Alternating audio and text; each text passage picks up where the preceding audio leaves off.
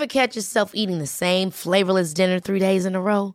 Dreaming of something better? Well, HelloFresh is your guilt-free dream come true, baby. It's me, Gigi Palmer. Let's wake up those taste buds with hot, juicy pecan-crusted chicken or garlic butter shrimp scampi. Mm. Hello Fresh. Stop dreaming of all the delicious possibilities and dig in at HelloFresh.com. Let's get this dinner party started.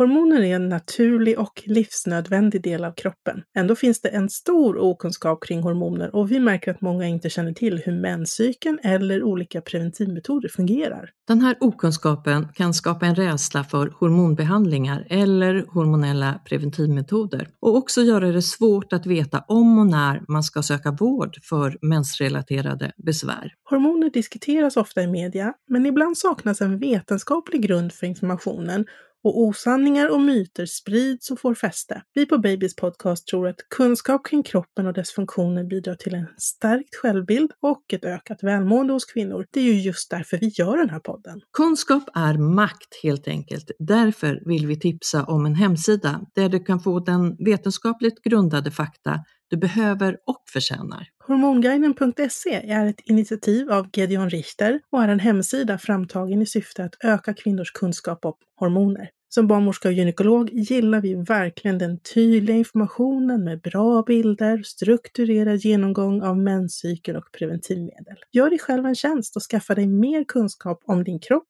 och dina hormoner. Besök hormonguiden.se. Hej och tack för att du hänger med oss i Babys podcast. Idag ska jag, Karina barnmorska och Rebecka, gynekolog, ge svar på några av era frågor. Frågor som vad säger forskningen om stress och fertilitet? Beror rikliga menstruationer på järnbrist? Jag har endometrios och vill sluta med p-piller. Hur gör jag för att minska menssmärtan under tiden? Vad händer om jag får tarmvred under graviditeten? Och tips på vad jag kan göra för att bli gravid har nu provat i två år. Ja, strax får du svar så stay tuned!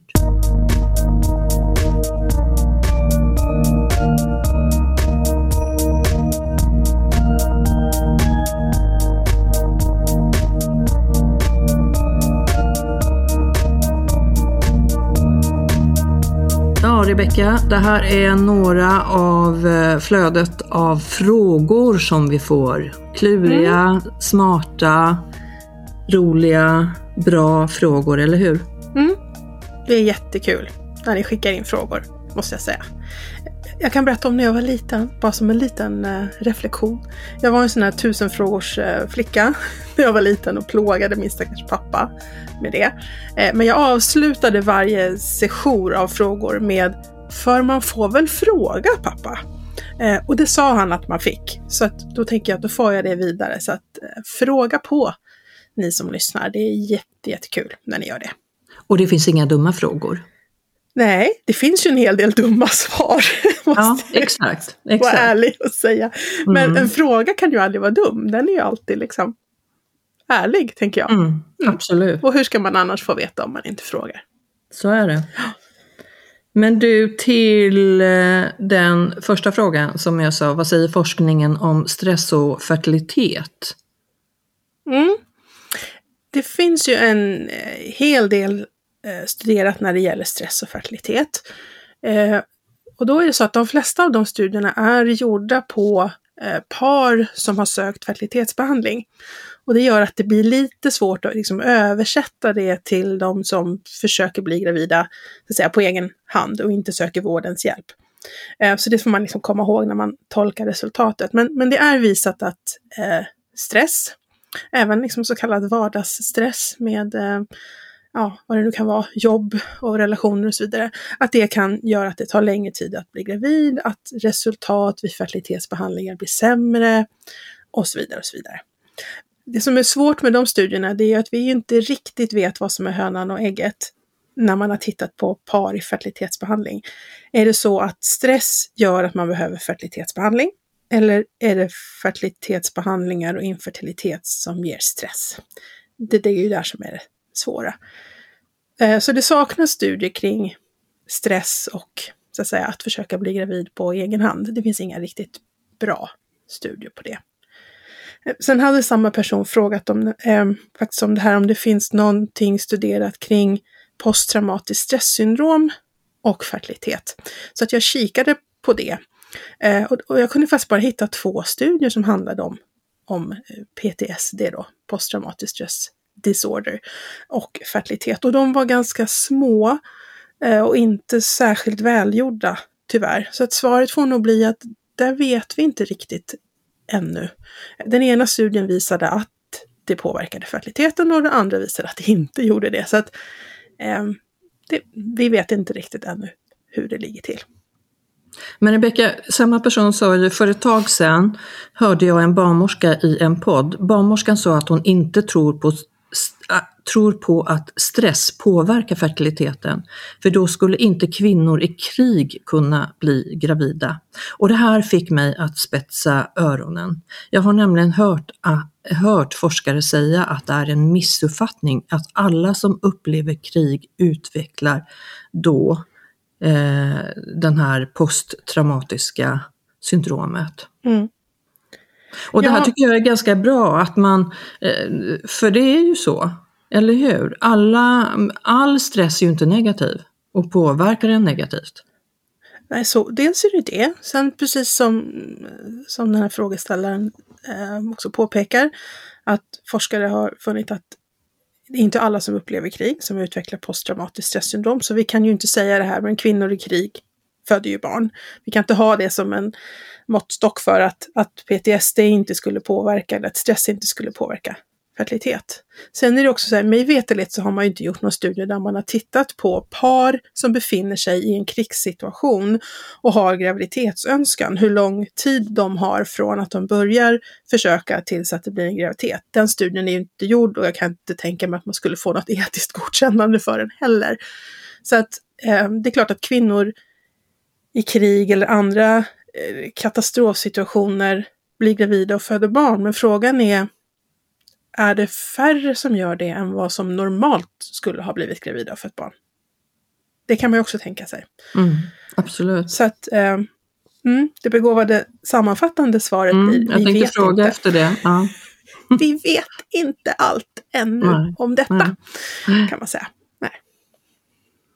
Men eh, ja, vi mm. hoppas att det inte har eh, lika stor påverkan som vi många gånger tror i alla fall. Men du, nästa fråga då. Beror rikliga menstruationer på järnbrist? Mm, ja, då kan man säga så här. Um, vi vet ju att järnbrist väldigt ofta beror på en riklig menstruation. Eh, men det kan vara så att järnbrist också i sig kan ge en riklig blödning och det har att göra med att blir det en väldigt långvarig kraftig järnbrist så är det inte bara de röda blodkropparna som påverkas av det, utan det är även blodplättarna till exempel. Så att man får för få blodplättar eller trombocyter som det heter. Och det kan då i sin tur leda till riklig blödning. Så på sätt och vis så är det ju som en ond spiral. Man har en riklig menstruationsblödning så riklig så att man får en järnbrist, då kommer järnbristen i sig kunna göra blödningen ännu rikligare. Så en sån ond spiral finns. Och det, och det har vi ju pratat om i ett eh, helt eller flera avsnitt. Kommer ni ihåg när det var? När kan vi hänvisa ja, till det? Ja, vi har två avsnitt om järn, både liksom ur ja, menstruationssynvinkel men också fertilitet och graviditet. Två stycken avsnitt och jag för mig att det var augusti 2021. Mm. Så det kan ni eh, scrolla tillbaka och lyssna på. Ja, det finns ju otroligt mycket fakta och mat nyttigt i de ja. avsnitten också. Ja. Men då kan man ha en för liten blödning då? Um, man kan ju ha en, det är klart att man kan ha en väldigt liten eller väldigt sparsam blödning. Um, om man har det liksom av sig självt inte att man eh, står på något läkemedel eller använder något hormonellt preventivmedel så, utan bara av sig själv. Så ofta är det så att de som har en låg östrogennivå eh, har lite mindre blödning därför att man bygger inte upp lika mycket slemhinna i livmodern. Eh, det kan också vara så att man har, eh, ja till exempel, ehm, ja ska vi ta ett exempel som vissa typer av preventivmedel gör ju också att man blöder mindre. Hormonspiral gör att man blöder mindre. Så hormoner påverkar ju också. Eh, kan man ha en för liten menstruationsblödning? Mm, förmodligen inte, men det, det, finns lite diskuterat just i fertilitetssynpunkt om en väldigt sparsam blödning på något sätt kan vara en markör för att slemhinnan i livmodern inte bygger upp sig tillräckligt mycket för att kunna ta emot det här befruktade ägget. Ehm, så det tittas det en hel del på också. Ehm, sen finns det naturligtvis en normal variation i blödningsmängden. Det är klart att det finns de som blöder väldigt lite och sen har vi hela spannet till de som blöder mycket. Att, att ha en riklig blödning, eller om man nu vill kalla det för för mycket, det, det har man definierat som att, att eh, blödningsmängden är 80 milliliter eller mer per cykel. Då. Så att inte per dag, utan säg att du blöder fem dagar så är det då totalt 80 milliliter på de fem dagarna. Men vi har ju ingen satt gräns för vad som är citat för lite, slutcitat. Mm. Det var inte så enkel den frågan heller då? Nej, men är det någonting som är enkelt inom eh, gynekologi och graviditet och födsel? Jag vet inte. Oh, vissa tycker, saker. Ja, jag tycker ju mer man lär sig desto svårare blir det. Mm, så är det väl. Mm. Men eh, okej, okay, så kontentan av det? Ehm, kontentan eh, blir att eh, riklig mens ger järnbrist, men järnbrist kan också förvärra en riklig mens. Och att vi är inte helt säkra på om man kan ha en för liten blödning. Möjligen att det kan ha betydelse för slemhinnans förmåga att ta emot ett befruktat ägg. Men vi, eh, mer forskning behövs även där. Mm, bra sammanfattning. Eh, ytterligare fråga. Mm. Jag har endometrios och vill sluta med p-piller. Hur gör jag för att minska menssmärtan under tiden? Och den här tjejen har, står då på p... Eh, hon har alltså p-piller. Mm. Jag förstår. I, eh, ja. Precis. Eh, väldigt bra fråga och det här tycker jag att vi generellt skulle kunna bli bättre på. Eh, att ta hand om. För att det är ju så här att om, om man har endometrios, man kanske, eller förhoppningsvis, har hittat ett, en behandlingsmetod som, som fungerar. Och det kan ju vara p-piller i så kallad långcykel till exempel, så att man hoppar över eh, de här placebotabletterna. Men det kan vara andra saker också, hormonspiraler eller olika kombinationer av läkemedel.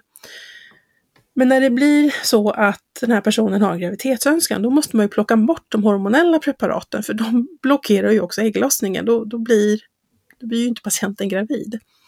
Och då, då kan det ju uppstå en period där eh, endometriossymptomen kommer tillbaka med smärta och eh, samlagssmärta och så vidare.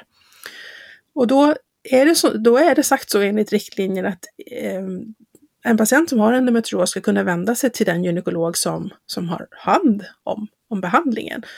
Och redan innan man slutar med behandlingen så ska man lägga upp en plan för hur ska vi smärtlindra under den här perioden då du försöker bli gravid. Om vi nu inte kan behandla med hormoner, vad ska vi ha för strategi när det gäller smärtläkemedel eller fysioterapi eller vad det nu kan behövas. Det ska också läggas upp en plan för om det är så att eh, det är svårt att bli gravid. Och det är det ju tämligen ofta vid endometrios. Det kan vara svårare i alla fall. Att man, att man har liksom en plan för att okej, okay, vi säger att sex månaders försök, men sen gör vi en fertilitetsutredning och skickar dig för fertilitetsbehandling. Och att man också har en plan för smärtlindring under graviditet. Att man har en plan för hur gör vi efter att barnet är fött? Vad ska vi sätta in för behandling då och när? Så det ska liksom finnas uppspaltat i journalen, klart och tydligt. Har du en känsla av att det är lätt att få till en, en sån planering? Mm. Alltså jag tror tyvärr att det kan vara lite svårt om man ser liksom över, över hela landet. Eh, helt enkelt för att tillgången till gynekologer är väldigt varierande och lite generellt svårt att få tid hos en gynekolog. Eh, så jag tror att det där kan variera. Storstadsområdena kanske lättare. Går man på ett endometrioscentrum och får sin behandling, ja men då, har, då är man redan uppknuten. Men det kan vara svårt ibland. Och, och mitt tips där, om det är så att man eh, har lite svårt att få den här kontakten eh, eller en tid för det här, så, så, man kan vända sig till sin vårdcentral för att få en remiss till gynekolog. I många regioner har vi privata gynmottagningar där man kan söka själv helt utan remiss, men så ser det inte ut överallt i landet och då, då vänder man sig i första hand till sin vårdcentral, förklarar sitt problem och de skickar då en remiss till kvinnoklinik. Ready to pop the question? The jewelers at BlueNile.com have got sparkle down to a science with beautiful lab-grown diamonds worthy of your most brilliant moments. Their lab-grown diamonds are independently graded and guaranteed identical to natural diamonds, and they're ready to ship to your door. Go to BlueNile.com and use promo code LISTEN to get $50 off your purchase of $500 or more. That's code LISTEN at BlueNile.com for $50 off. BlueNile.com code LISTEN. Ever catch yourself eating the same flavorless dinner three days in a row? Dreaming of something better? Well, HelloFresh is your guilt free dream come true, baby. It's me, Gigi Palmer. Let's wake up those taste buds with hot, juicy pecan crusted chicken or garlic butter shrimp scampi. Mm. Hello Fresh. Stop dreaming of all the delicious possibilities and dig in at HelloFresh.com. Let's get this dinner party started.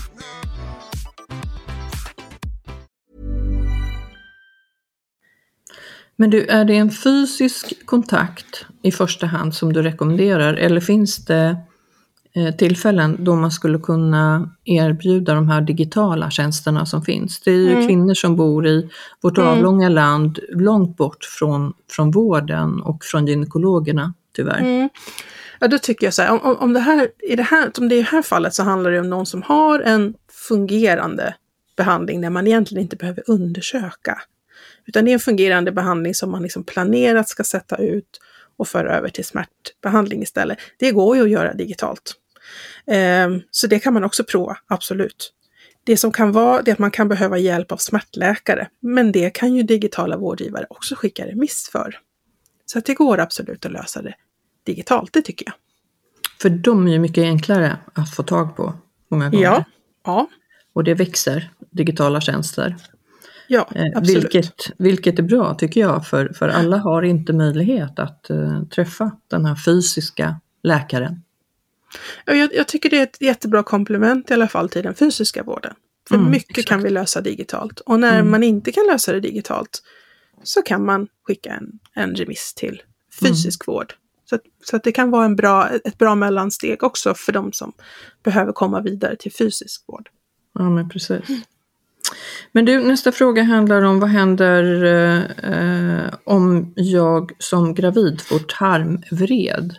Jag vet inte vad det är för skräck och rädsla, för det är ju extremt eh, sällsynt. Ja, det kan ju vara någon som har lyssnat på mig. I så fall ber jag om ursäkt Ja, ja. om jag har skrämt upp er. Men jag fick ju tarmvred. är, det något, är det något du inte har, har drabbats av? Ja, men det är en hel del. Jag har inte haft Ja. ebola än så länge i alla Nej. fall. Nej, Ehm. Det finns ju några andra sjukdomar som jag inte har fått. Men Ja, ja det är vi Ja. tacksamma för Rebecka. Mm. ja, det är vi tacksamma för. Eh, nej, nej, det är väldigt, väldigt sällsynt med, med tarmvred under graviditet. Det är det ju. Men det finns ju riskgrupper som har lite ökad risk och det är ju till exempel de som är opererade med gastric bypass, alltså en typ av obesitaskirurgi. Framförallt de som är opererade för 2011, för då hade man en operationsmetod som Eh, ha, hade lite höga, eh, jag ska åtminstone säga högre risk för, för tarmvred än, än den operationsmetod man har i Sverige idag. Men ja, det kan ju vara, eh, det finns ju de som är opererade i magen flera gånger. Man kanske har någon tarmsjukdom som har gjort att man har opererat flera gånger och då kan man ju få tarmvred under graviditet precis som man kan få tarmvred när som helst. Och då är det så här att um, om man ska generalisera så kan man säga att det är ju inga större bekymmer att, eller det ska jag inte säga, så enkelt är det inte, men, men att operera eh, någon med tarmvred i, i tidig graviditet, det kan man ju göra. Livmodern är fortfarande ganska liten och den är inte i vägen och åtminstone fram till vecka 20-24 så går det hyfsat och, och ändå liksom manövrera runt och komma åt tarmarna. Eh, Det är inte okomplicerat att söva någon som är gravid och man måste ju också ta hänsyn till eh, de läkemedel som man ger i samband med operationen så att det inte är skadligt för fostret. Så att visst kräver det eh, en viss tankeverksamhet och försiktighet, men det går. Det svårare blir ju i den senare eller till och med sista delen av graviditeten, därför att då tar livmodern så stor plats.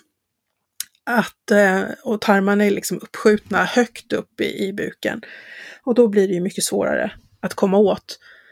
Och då får man ju lite beroende på hur det här tarmvredet ter sig lösa det på andra sätt. Man måste inte operera alla tarmvred. En del tarmvred kan lösa sig självt. Ehm, man kan ge ehm, läkemedel som eh, underlättar att tarmen börjar röra sig, till exempel, beroende på vad det är för typ av tarmvred. Eh, det finns också flera studier där man, just med de som har tarmvred efter en gastric bypass-operation, så har man visat att man kunnat hålla den gravida fastande, tarmvila, i flera veckor och då låta barnet få mogna. Och då kan man skjuta upp den här operationen också. Eh, eller som i mitt fall, eh, vecka 35 fick jag tarmvred och då var det inte så mycket att fundera på utan det var bara att och, eh, plocka ut bebisen och sen operera tarmvredet. Så det, måste, det blir alltid en individuell bedömning beroende på vilken vecka det är och vilken typ av tarmvred och hur sjuk personen är i sitt tarmvred. Hur mådde du? Mm, inte bra. inte bra. Jätte, jätte ont i magen. Alltså, efter, man kan säga så här, föda barn gör ont. Um, för det har jag också provat. Uh, tarmvred är värre, tycker jag. Uh, ha tarmvred och man är höggravid och ha lite verkar på det. Uh, kan jag inte rekommendera för någon, faktiskt. Nej, det var inte kul. Nej, men efteråt Men det gick då? bra. Ja, men Mm. efteråt gick det bra. Det är klart Mm. att det var tufft. Det blev ju två operationer på, inom loppet av fyra dagar. Så det var jätte, jättetuff början. Men, eh, nej, men det, gick, det gick jättebra. Varför två? faktiskt. Därför att eh, eh, först så var det ju så att jag skulle sättas igång. Mm. Men den här lilla filuren han la sig i ansiktsbjudning så att det gick inte att komma ut den vägen. Så då blev det ett urakut kejsarsnitt istället.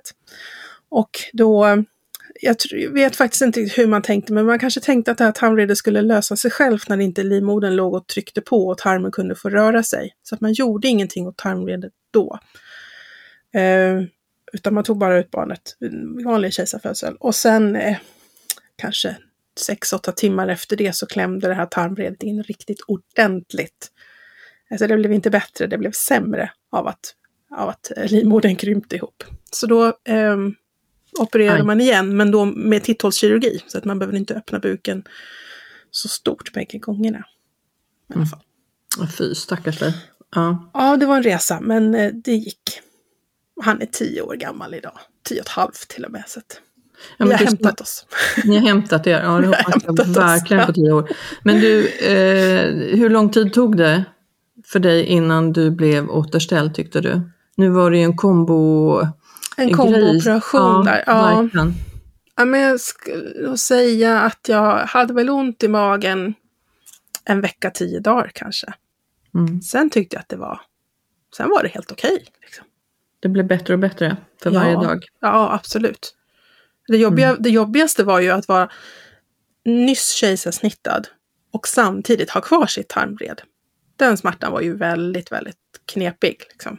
Mm. Men när tarmvredet väl var åtgärdat så då var det ju bara... Alltså det blev ju bättre och bättre för varje timme som gick efter det.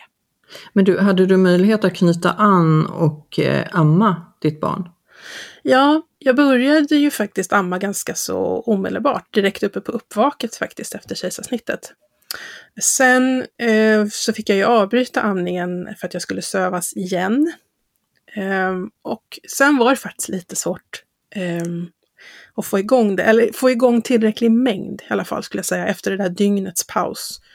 Så det tog nog en vecka innan jag liksom hade jobbat upp lite, eh, vad ska man säga, lite bra tempo i tillverkningen av bröstmjölk.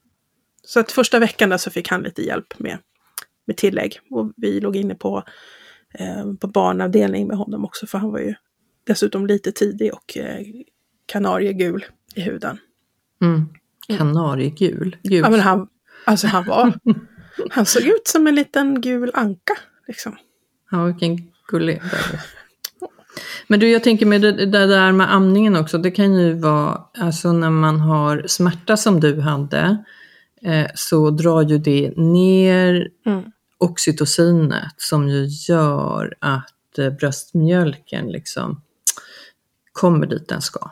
Så att det här Ja. är ju, Ja. Och då blir det en stress med adrenalin och lite tokiga hormoner i Ja. det läget såklart, som kan ställa till det. Men ingenting är omöjligt efteråt, att man Nej. kan knyta an senare, du gjorde det förvisso där och amningen kan komma igång och så, så vidare. Nu var vi på ett sidospår, men det är lite Mm. Ja. intressant att höra hur det, Ja, det- hur det kan funka. Precis, för det, det märktes ju stor skillnad, eh, alltså att sitta och försöka amma och pumpa när jag var inlagd med honom på barnavdelning jämfört med när jag kom hem. Alltså så fort jag kom hem så blev det ju bättre Mm. och kunde sitta i min egen miljö. Men det är ju det där, när vi ändå är inne på amning så, så är det ju ofta det vi säger eftersom vi hör att det är så många som reagerar precis så att många vill ju kanske inte åka hem förrän de känner sig hundra nöjda med att amningen funkar. Medans eh, man vet när de sen ändå har kommit hem, eh, kanske en Mm. dag eller en halv dag innan, och känner att nej men gud, det här är ju min härliga miljö här hemma. Avslappningen är total för Mm. väldigt många. Och då produceras mjölken och den rinner på mera. Man släpper ifrån sig, men släpper ut mjölken liksom och det går mycket lättare. Så den där hemmiljön med tryggheten, med, med allt vad som är ditt, dofter och Mm. Precis. allting runt omkring som du kan se och sitta i och ligga i och, och känna dig bekväm med. Mm. Det gör ju att vi eh, under alltså början av, av eh, när vi startar upp förlossningen kan känna oss tryggare för många att vara hemma och samma där med amningen. Mm. Så det är inte så dumt för väldigt många faktiskt. Men vad bra att du ammade på och fick, fick det bra efter det här eh, fruktansvärda tarmvredet som du hade. Så, så svar på frågan är ju att, att det är sällan, det är mycket sällan som tarmvred uppstår. När det uppstår så kan man behandla på lite olika sätt men det går att operera. I värsta fall. Ja, precis. Mm. Du, har en, eh, en fråga kvar. Alltså Mm. egentligen så har vi många, men jag tänkte idag eh, så eh, tar vi en sista, för idag så tar vi en sista och det är då en, en tjej som vill bli gravid. Tips, tips på vad jag kan göra för att bli gravid, har provat i två år. Och här har vi ju ett, eh, ja, men ett eh, långt mejl. Ja, precis. Och, och skriver också då, förutom att hon har försökt i två år eh, och inte vet vad hon ska göra, så skriver hon att hon hade regelbunden mens i, tidigare, men nu har den blivit oregelbunden. Och vad ska jag göra? Och, och då ska jag säga så här att har man försökt ett år eller mer, då ska man söka hjälp. För det, det är klart att det finns saker man kan göra. Man kan fundera över kost och man kan fundera över vad äter jag för läkemedel och man kan försöka tracka sin eh, ägglossning och allt sånt där. Men, men två år är en lång tid och då, eh, då har man rätt att få en fertilitetsutredning och fertilitetsbedömning eh, och eventuellt hjälp. Så att jag tycker att i det läget, mitt råd till den personen är ju att eh, eh, boka en tid hos gynekolog för att göra en fertilitetsutredning tillsammans med sin partner. Men Rebecka, det här är ju en fråga som vi får ofta. Ofta, ofta. Mm. Och det är många som försöker liksom att bli gravida och du tycker ju att man går för lång tid. Eller jag, jag, jag ska säga så här, jag tycker, jag tycker det finns två kategorier. Det finns de som är oroliga och hör av sig efter tre månader eh, av försök och säger jag blir inte gravid. Och då försöker vi ju liksom säga, ja men eh, lugn, sakta i backarna. Då säger vi vänta. vänta, för det kan ta längre tid. Eh, och, och, och ett år är det som vi säger, försök ett år själv. Eh, men sen sök hjälp. Eh, därför att om man, när man tittar på statistiken så om man, om man tar 100 par med ett aktivt samliv som försöker bli gravida under ett år så kommer ungefär 85 procent av de paren att bli gravida. Det beror lite grann på hur ålder, ska jag säga. Så det, det kan liksom någonstans mellan 80 och 90 beroende på vilken ålder man tittar på. Men säg 85 ungefär. Ehm, och väntar man och tittar efter två år så har det knappat upp till 92. Så att några procent till har lyckats. Men ganska, det händer ganska lite det där år nummer två. Så därför säger vi det att eh, efter ett år så eh, utreder vi gärna. Och då ska man ju söka tillsammans som par. Då. Och då vänder man sig? Då vänder man sig till gynekolog för att göra det. Eh, och det ser lite grann olika ut i olika regioner som vanligt. Eh, man har olika vägar att gå. Bor man i en region där det finns många gynmottagningar som jobbar med fertilitetsbehandling, då väljer man ju själv och bara ringer till en. Eh, annars kan det vara så i en del regioner att man behöver ha en remiss via sin vårdcentral till en kvinnoklinik för utredning. Så att man får kika eh, i den region man bor hur regelverket och hur turerna är. Liksom. Ja, det är olyckligt det där att det är så otroligt ojämnt i, mm. mellan regioner. Mm. Eh, det är också något som jag irriterar mig rätt mycket på. Det är att när vi väl hamnar i det här med att eh, Alltså man har ju alltid rätt att göra en utredning, men sen när det gäller fertilitetsbehandling så är eh, reglerna och riktlinjerna, de skiljer sig åt från region till region. Så man kan ha olika åldersgränser, olika BMI-gränser, olika regler för det här med rökning och inte rökning. Eh, där skulle jag önska att det var mera eh, lika över landet, för det blir jättetokigt. Vi satt ju ibland, jag jobbade i södra delen av Region Stockholm och vi hade patienter från en annan närliggande region med helt andra regler och vi kunde ibland inte hjälpa dem med annat än att bara säga så här, jag föreslår att du flyttar så att du bor på den här sidan av regiongränsen. Mm, att, att sånt liksom ska ha, avgöra om man ska få eh, fertilitetshjälp eller inte. Mm, det, det, det, blir inte riktigt bra. Nej, det är totalt galet. Alltså, vi måste skärpa oss. Du får sätta ner foten där, Rebecka. Ja, där också. Jag tycker jag är där runt också. och stampar lite. Mm, jag är som gynekologins lilla my. Liksom. Ja, du stampar ja. här och där. Jag stampar och, och ryter till. Ja, det är bra. Perfekt ju. Jag har några Nej. kollegor som är lite sådär eh, lilla my de också. Så vi är några som hjälps åt att stampa och ryta lite. Perfekt, perfekt. Ja, Karina, det här var de fem frågorna som vi hann med i frågelådan idag. Men vi har ju fler frågor som vi har fått. Så att vi gör väl ett avsnitt till och så återkommer vi med det om någon vecka ja. eller två eller tre. Ja, precis. Nej, men vi får uh, sprida våra frågelådor lite, så lite fakta och lite annat inemellan blir väl ja, perfekt. Vi har mycket ämnen som ska in helt enkelt. Det har vi, som mm. vanligt i Babys podcast. Så tack för att du har lyssnat och helt enkelt välkommen tillbaka. Ha det gott tills vi hörs och det gör vi ju alldeles så snart Rebecka. Mm -mm. Uh -uh. Bye bye! Ha hej. det gott! Hej.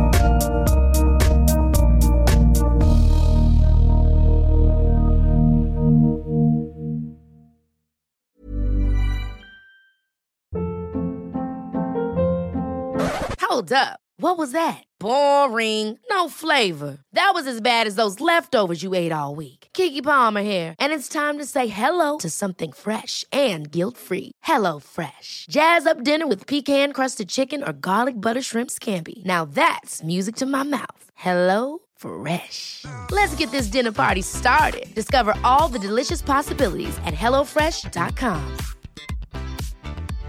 Imagine the softest sheets you've ever felt. Now imagine them getting even softer over time. That's what you'll feel with Bowl and Branch's organic cotton sheets. In a recent customer survey, 96% replied that Bowl and Branch sheets get softer with every wash. Start getting your best night's sleep in these sheets that get softer and softer for years to come. Try their sheets with a 30-night guarantee. Plus, get 15% off your first order at bowlandbranch.com. Code BUTTERY. Exclusions apply. See site for details.